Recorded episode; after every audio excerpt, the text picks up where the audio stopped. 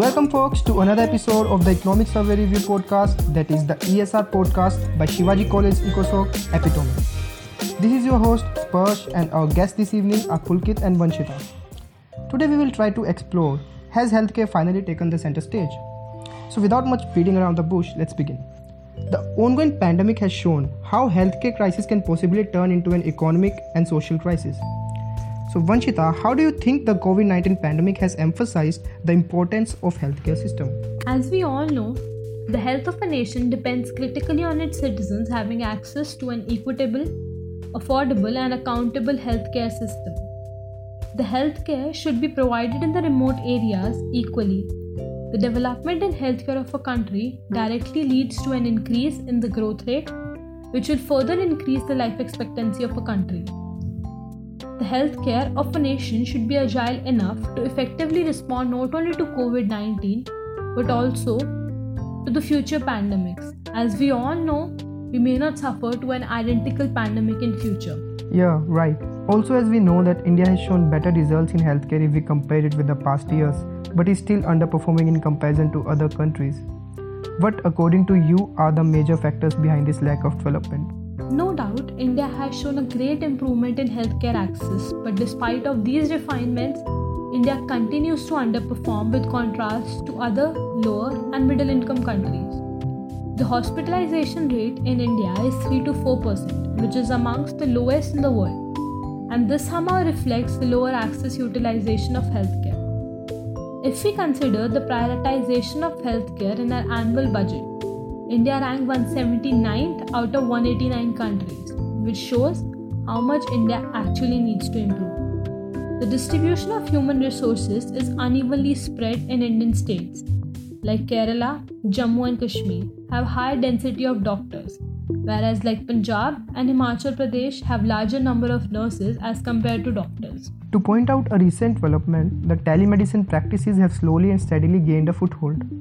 How do you think it will affect the current healthcare scenario? Aggregated by increasing the medical needs, patients' high expectations for healthcare service, insufficient medical resources, and unbalanced resource allocation have become a major issue. For this, telemedicine can greatly improve the equity and efficiency of healthcare service delivery and increase the patient's access to specialist expertise that was unavailable or difficult to access before. This has saved patients from standing in long queues by getting expert service on their doorsteps. Apart from these advantages, there are certain limitations to be considered, like in a village where the internet facility is not good, where most of the families do not have the access to the internet and smartphones, may limit its reach. Since many commercial companies providing the facilities of telemedicine are independent of any general hospital or government, which eventually leads to an increase in the competition between hospital and telemedicine companies. Healthcare, one thing that touches upon lives in every strata of society. And as we know, in healthcare markets, patients who are the buyer of information rarely know the value of information until after it is purchased and sometimes never at all. Pulkit, can you elaborate upon it for our audience? Yes, that's very true. To answer from academic point of view, the problem you mentioned is called information asymmetry. Now you can understand it like this. When individual avail of a healthcare service like dermatology, they may be able to readily evaluate the outcome. Therefore, for such services, low quality providers will have to reduce their price to remain competitive. In contrast, patients who must undergo open heart surgery may find it very difficult to evaluate its quality and have to therefore rely on the reputation of hospital or doctor as a proxy for the quality. For some services, such as preventive care or mental health, patients may never know for sure whether their provider did a good job. That's very well put down. Also, how do you view this scenario and what's your take on it? This problem of information asymmetry gets complicated by factors that may influence the conflict of interest between patients and doctors. For instance, C sections in pregnancies, which are more profitable for the hospital physician, are overused. Such non price features of healthcare can lead to obfuscation of price or significant price dispersions for the same goods and services.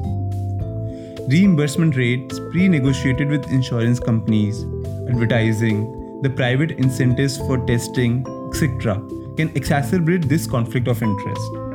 The trait looked for by patients among doctors is altruism, which can primarily eliminate the conflict of interest. And what about the implications rising from this problem and positive ways in which it could be mitigated? As Akerlof predicts, when little information is available on the quality of a product prior to purchase and the quality of the product is uncertain, quality deteriorates to the lowest level in an unregulated market.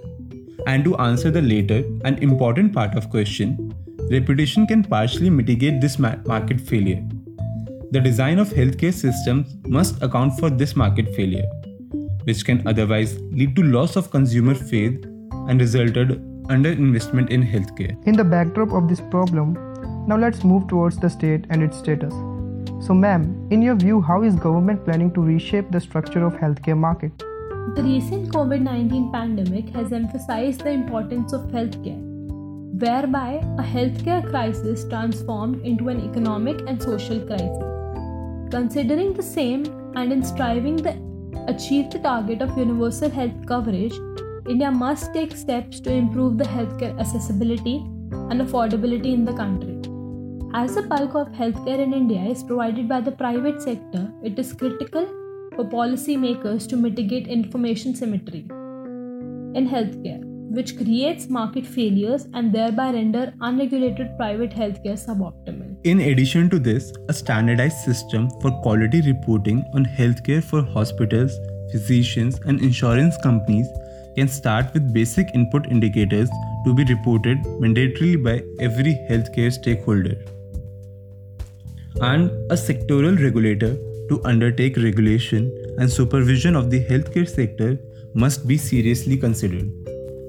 This is especially pertinent as regulation has grown in importance as a key lever for governments to affect the quantity, quality, safety, and distribution of services in health systems. And how will it deal with the problem of market failure we just discussed about above? As we already encountered, in a country like India, with limited visibility into patients' medical records and no standardized treatment protocols, insurance companies have a risk of adverse selection at the time of policy issuance and a risk of moral hazard at the time of claims.